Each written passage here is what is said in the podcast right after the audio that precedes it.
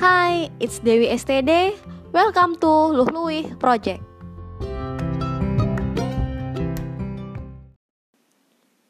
Hai ladies, balik lagi di Luh Project. Dan hari ini kita akan mengupas tentang bagaimana sih memulai berkebun di rumah.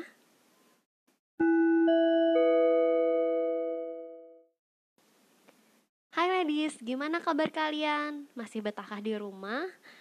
Nah, jadi selama pandemi ini salah satu kegiatan yang aku coba lakukan di rumah adalah berkebun.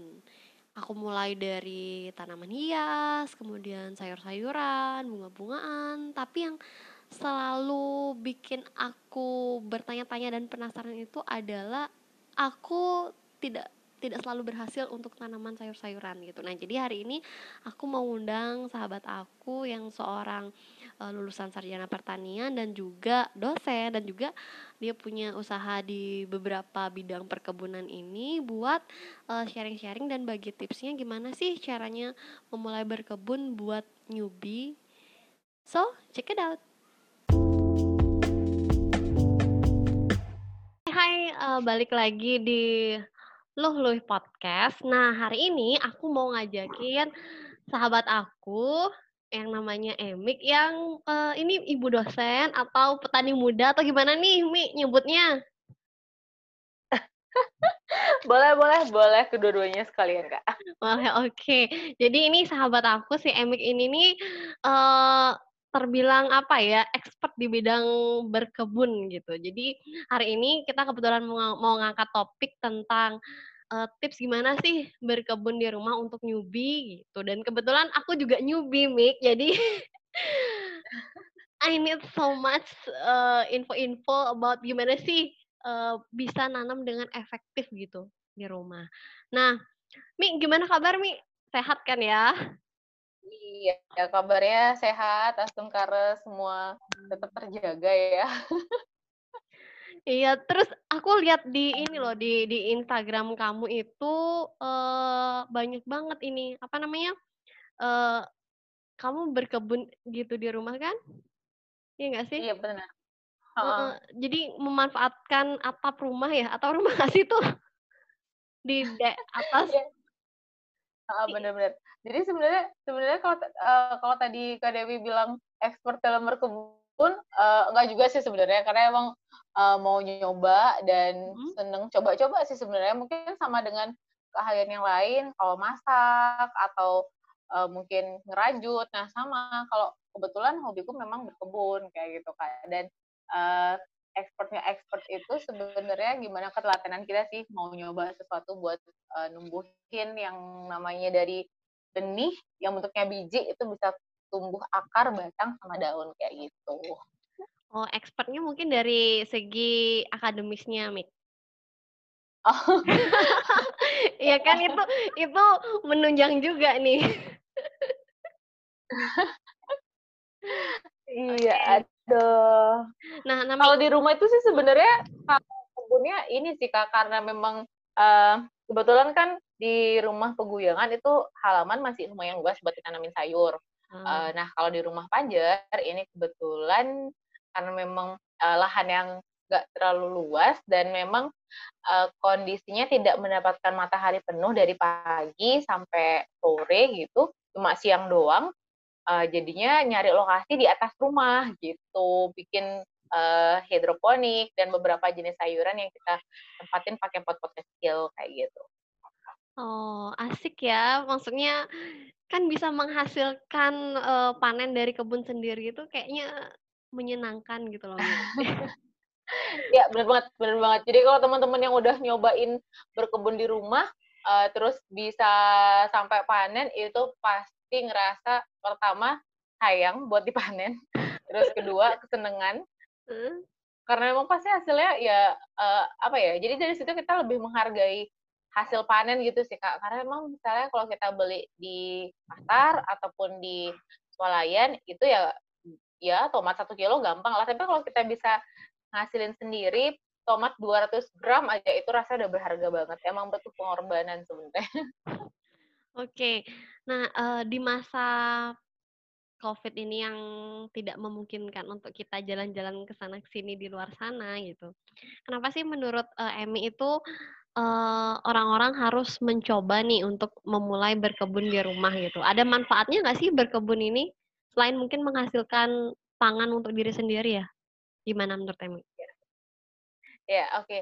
Makasih Kak Dewi. Jadi sebenarnya kalau berkebun ini uh, adalah salah satu cara buat mengisi aktivitas kita selama uh, berkegiatan di rumah Kak gitu. Jadi kalau dengan berkebun otomatis kan kita olahraga tuh badan gerak mm-hmm. gitu nggak cuma rebahan doang gitu kan. terus ya jadi karena kita di kebun langsung ah, harus pegang tanah terus juga uh, nyiram, terus kita juga ada pakai benih lah atau pakai bibit seperti itu. Jadi kita mengolahragakan badan kita yang pertama. Nah, terus yang kedua itu adalah kita menciptakan hubungan yang secara nggak langsung uh, terjalin hubungan harmonis antara kita manusia dengan alam. Nah, kalau kita kan di Bali itu ada uh, salah satu kutipan dan juga ajaran tentang Trihita Karana. Ya benar. Jadi poin ketiganya dapat di situ. Nah, hmm. terus kalau tadi Kak Dewi udah bilang kita bisa ngasilin produk pangan yang sehat buat uh, minimal buat keluarga kita sendiri. Soalnya kan kalau kita budidaya di rumah otomatis kita nggak bakalan pakai pestisida yang berbahaya kan untuk konsum yang untuk yang kita konsumsi kayak gitu. Itu sih sebenarnya. Dan tentunya buat mata. Karena kan biasa kalau kalau kita nggak covid nih kita bisa jalan-jalan ke daerah Bedugul, daerah yang temani gitu kan atau kebun-kebun yang lain lah atau ke taman kota paling enggak gitu. Nah kalau sekarang ya udah kita bikin hijau di rumah kita sendiri dulu. Untuk refreshing ya Mi ya. Iya bener banget. nah terus kalau untuk dari tanaman itu sendiri kan kalau kita ngomongin tanaman kan itu beragam ya.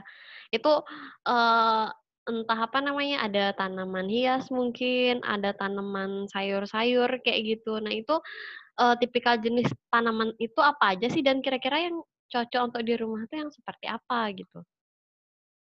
Oke, sebenarnya ini kembali lagi kak sama konsumennya, sama kita itu sukanya nanam apa gitu. Nah kalau teman-teman yang nanya, Mi aku mau berkebun dong di rumah gitu, ya aku tanya dulu gitu. Apakah kamu pengen berkebun biar dapat hasilnya yang bisa dikonsumsi? Ya boleh tanam sayur-sayuran atau mungkin kayak tomat tadi, terong atau yang suka nyambel ya udah tanam cabai gitu kan. Tapi kalau teman-teman yang memang uh, pengen berkebun dan mereka lebih uh, suka kayak ya udah biar ada pemandangan aja gitu.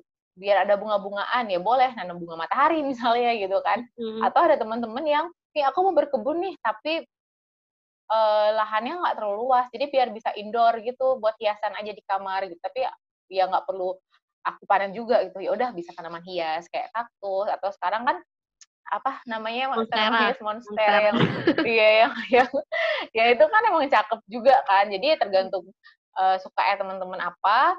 Tapi kalau khususnya untuk tanaman yang bisa kita panen yang bisa kita konsumsi itu beberapa jenis sayuran itu masih cocok untuk dibudidayakan di Denpasar. Kayak gitu kan Nah, kalau misalkan untuk newbie nih, aku nih pemula banget yang biasanya kalau nanam bibit sayur yang dari biji tuh loh, Mi, selalu mati gitu kan. jadi jadi kira-kira saran dari Emik nih, tanaman apa sih yang paling mudah lah untuk ditanam gitu. Nah, aku aku sedikit share ya.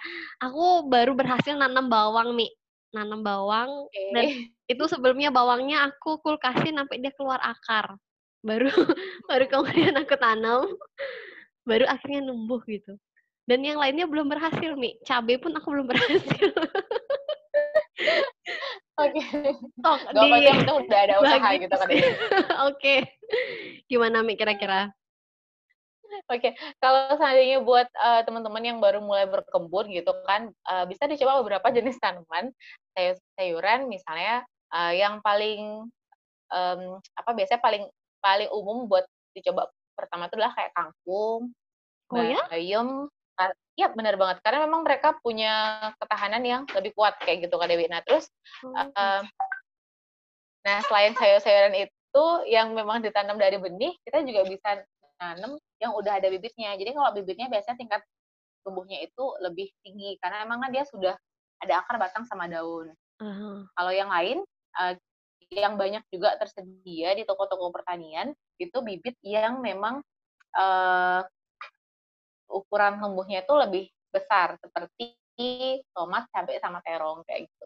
Nah, itu buat yang ditanam di tempat biasa konvensional dengan menggunakan tanah. Tapi kalau teman-teman yang uh, ada budget lebih untuk berkebun, itu juga bisa banget buat bikin hidroponik. Karena biasanya kalau hidroponik itu kan instalasinya itu sudah otomatis. Hmm. Jadi takaran nutrisi, benih uh, dan uh, sorry bibitnya itu dan juga media yang lain itu sudah siap untuk langsung dibudidayakan kayak gitu. Oh, nah kalau misalkan, uh, oh ya aku juga sempat baca kan di kayak Pinterest Pinterest gitu kan, uh, itu mm -hmm. ad, ada kadang-kadang untuk yang apa yang berkebun pemula itu tuh kan kalau misalkan nggak numbuh uh, seednya tuh nggak numbuh gitu kan udah kecewa di awal dan kayaknya aduh males deh nanem gitu kan. Ya tipikal tipikal kayak aku misalnya jadi jadi itu ada kayak kayak apa namanya garden hack gitu aku nemuin. Jadi kayak misalnya kita beli sayur nih itu tuh masih ada ujungnya itu loh mi. Kayak Mm-hmm. kayak bongkolnya gitu ya kalau bahasa Balinya gitu ya. Nah itu tuh dipotong, terus itu direndam di air kayak kita numbuhin serai gitu loh numbuhin yeah, sampai jadi nah nah itu itu uh, bisa dicoba nggak sih mi cara seperti itu tuh? Untuk ya minimal yeah. numbuhin akar gitu. Mm sebenarnya itu bisa aja uh, bisa jadi salah satu referensi. Cuma emang harus ada yang diperhatiin kak. Karena kalau yang kayak gitu uh, biasanya teman-teman uh, sering lupa untuk mengganti air. Karena itu kan ya airnya nggak ngalir terus jadi busuk oh. dan awalnya mungkin bisa tumbuh tumbuh tumbuh sedikit akarnya tapi nggak berlanjut gitu Nah, hmm. terus perpindahan juga dari yang uh, media awalnya itu adalah air dipindah hmm. ke um, tanah itu juga harus lumayan uh, telaten untuk perlakuannya kayak gitu.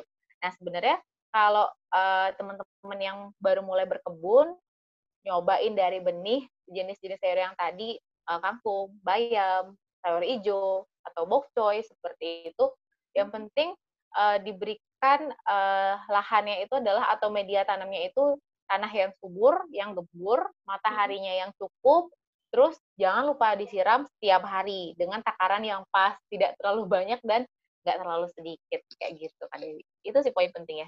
Oh berarti uh, paling nggak harus telaten ya Mi ya? Karena aku juga sempat nanam pokcoy nih. Ya, buat uh, latihan latihan sih sebenarnya. iya, itu itu uh. latihan kesabaran sih kalau menurut aku dan ketelatenan. Karena aku sempat nanam pokcoy pokcoy juga itu udah numbuh kan, uh, kecil-kecil gitu kan sekitar 2-3 senti gitu kan udah seneng banget nih. Terus, uh, kayaknya tuh gara-gara mungkin entah kelebihan air atau kekurangan gitu malah eh dia melayu gitu loh Mi, dan akhirnya die gitu. Jadi, hmm, kayaknya mesti diuji oh, lagi deh.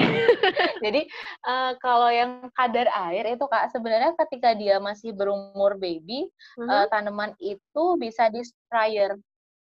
Iya, bisa pakai uh, spray gitu Kak. Jadi biar nggak terlalu banyak airnya, hmm. tapi ketika kita melakukan penyiraman uh, tanahnya itu udah agak basah gitu. Karena memang terlalu banyak pun ya dia nanti busuk, kalau kurang air pun ya dia nanti bisa layu kayak gitu Kak. Oh, oke. Terus jadi kalau misalkan untuk uh, pemula nih apa aja nih yang mesti dipersiapkan Mi kalau untuk memulai berkebun di oh, Oke, okay. kalau buat teman-teman pemula itu yang harus disiapin pertama bisa cari referensi tentang uh, jenis sayur apa yang uh, pengen mereka budidaya untuk bisa dikonsumsi atau jenis tanaman yang lain, tanaman hias kah atau mungkin temu-temuan yang suka jamu gitu kan, yang suka hmm. nyambel bisa nanam cabai jenis apa gitu. Nah, terus setelah dapat beberapa referensi, ya langsung eksekusi gitu. Jadi nggak hanya teori-teori aja, tapi langsung uh, bisa datang ke toko pertanian langsung atau untuk mengurangi kontak langsung ke uh, orang-orang di luar itu bisa beli online karena kan sekarang uh, udah banyak banget uh, media yang dijual secara online. Mm -hmm. uh, terus yang berikutnya adalah lokasinya yang uh, pengen dijadiin kebun itu di rumah itu juga harus dipersiapkan kayak gitu uh, yang sinar matahari yang cukup, terus juga jauh dari gangguan-gangguan uh, seperti misalnya kayak ayam udah tumbuh dikit terus dipatok sama ayamnya itu kan kasihan juga gitu. Terus serangga-serangga yang lain juga kayak gitu sih kak. Dan nanti bisa bikin uh, kayak pengukuran mini gitu. Jadi oh aku nanamnya tanggal sekian loh. Jadi satu setengah bulan lagi atau uh, tergantung jenis sayurannya juga. Atau misalnya tiga bulan lagi aku udah bisa panen gitu. Jadi diingat tanggal-tanggalannya juga gitu.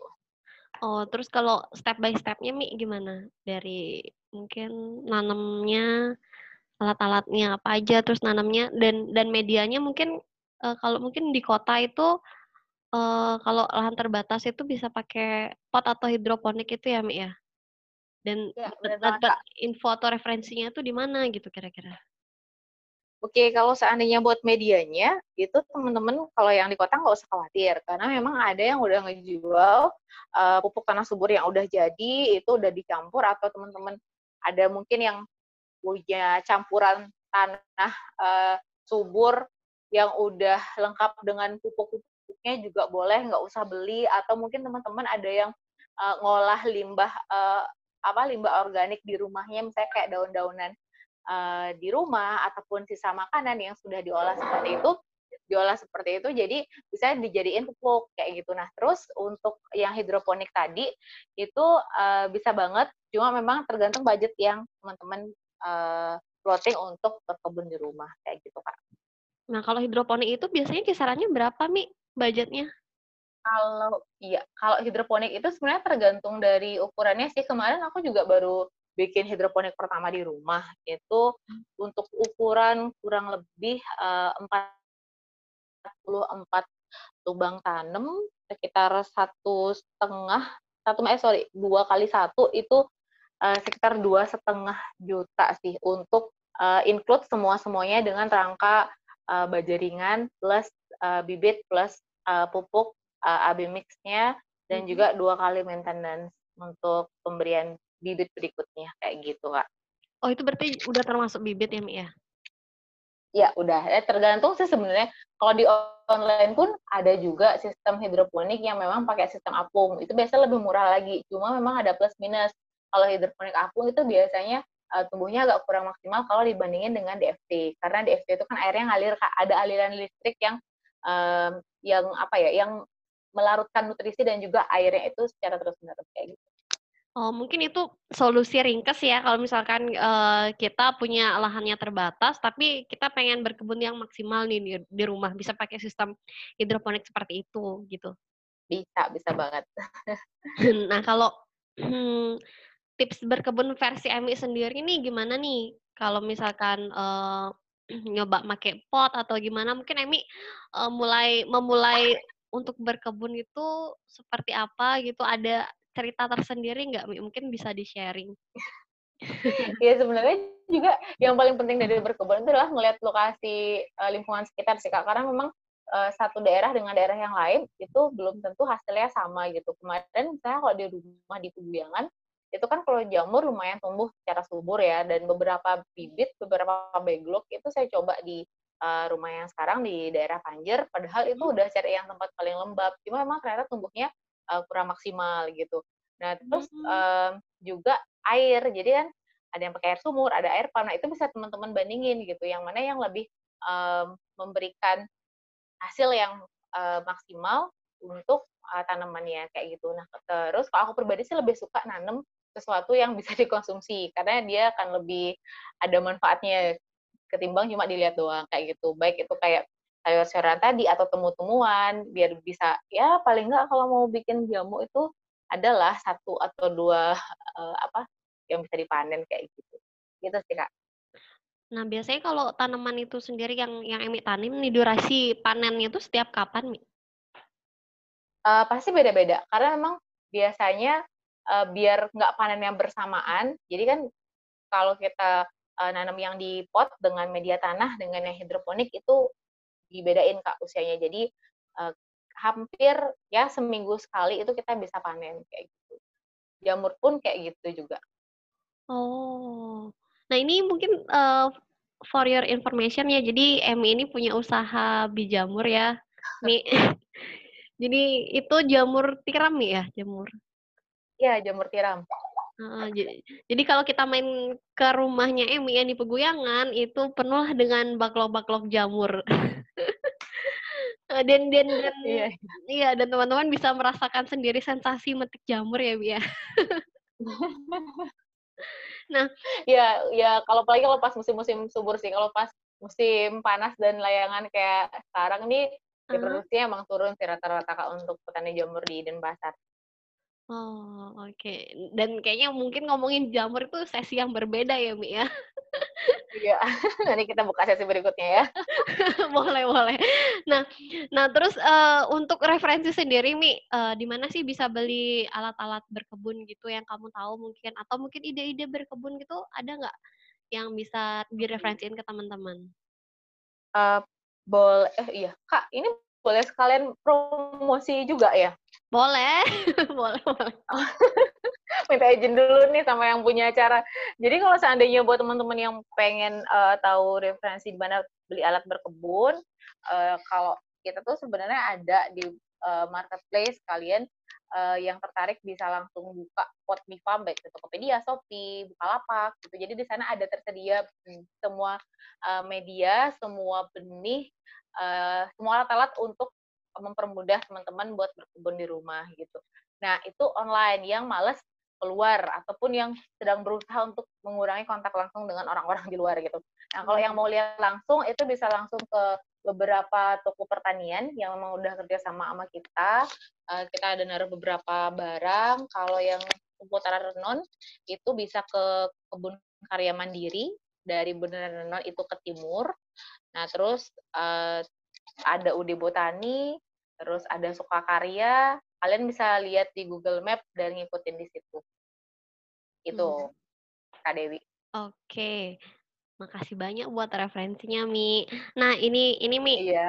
Uh, apalagi uh, kalau misalkan di online nih, kamu ada ini nggak sih, maksudnya uh, belajar tentang entah jenis uh, sayuran atau mungkin uh, gimana teknik budidayanya itu itu kamu ada referensi website gitu nggak sih atau mungkin uh, Instagram gitu yang bisa diakses sama teman-teman gitu? Hmm, boleh uh, teman-teman yang tertarik boleh langsung melihat informasi tentang berkebun itu di Instagramnya Potmifam atau di web websitenya Potmifam.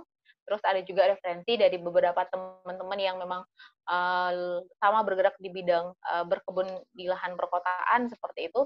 Ada temen yang Instagramnya kebun Kumara, terus ada Agradaya, beberapa senior-senior juga.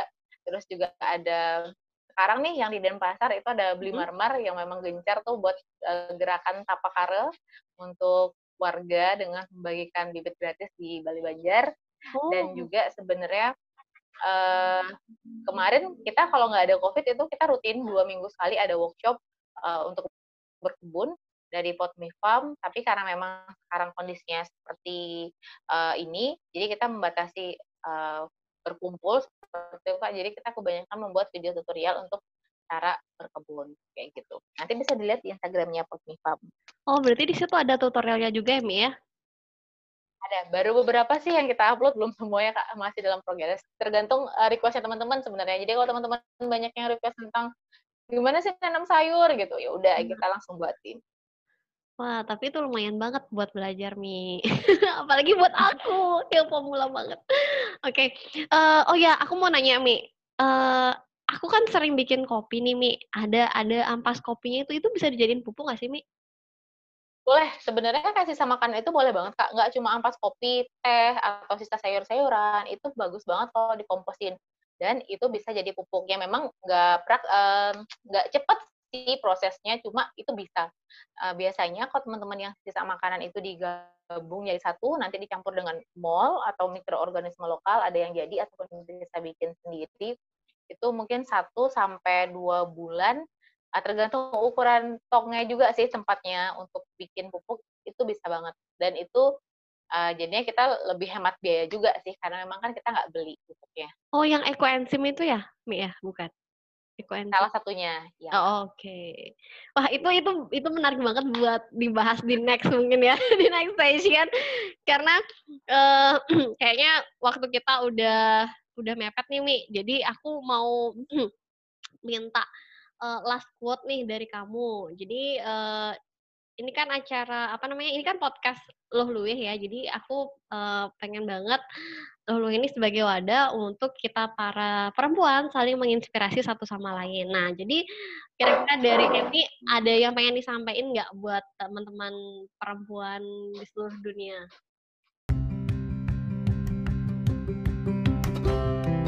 Buat teman-teman sebenarnya uh, khususnya para perempuan uh, ngelihat kondisi kayak sekarang ya memang kita harus belajar buat gimana jadi produktif di rumah, terus jadi kreatif gitu kan dengan memanfaatkan apa pun yang ada di sekitar kita. Pun kalau teman-teman tadi um, mau uh, apa memanfaatkan kayak sisa sayuran untuk bongkolnya itu ditanam lagi ya silahkan dipraktekkan gitu nggak ada salahnya kayak gitu. Uh, terus kalau untuk quotesnya nih kak, hmm, -hmm. mungkin kita semua bisa belajar bahwa menjadi seseorang sebaik-baiknya orang itu adalah orang-orang yang bermanfaat buat orang-orang di sekitar kita gitu karena kalaupun kita hebat tapi tidak memberikan manfaat buat orang-orang sekitar ya ya nggak ada fungsinya itu aja sih oke okay. Oke, okay, thank you so much ya buat waktunya hari ini Mi di sela-sela yep. meetingnya. Iya sama-sama Kak Dewi, semoga bermanfaat juga. Oke, okay, uh, eh, perempuan di seluruh Indonesia di mana pun kalian berada, thank you so much buat uh, mendengarkan kita cuap-cuap hari ini. So keep standing in your own way. Bye bye.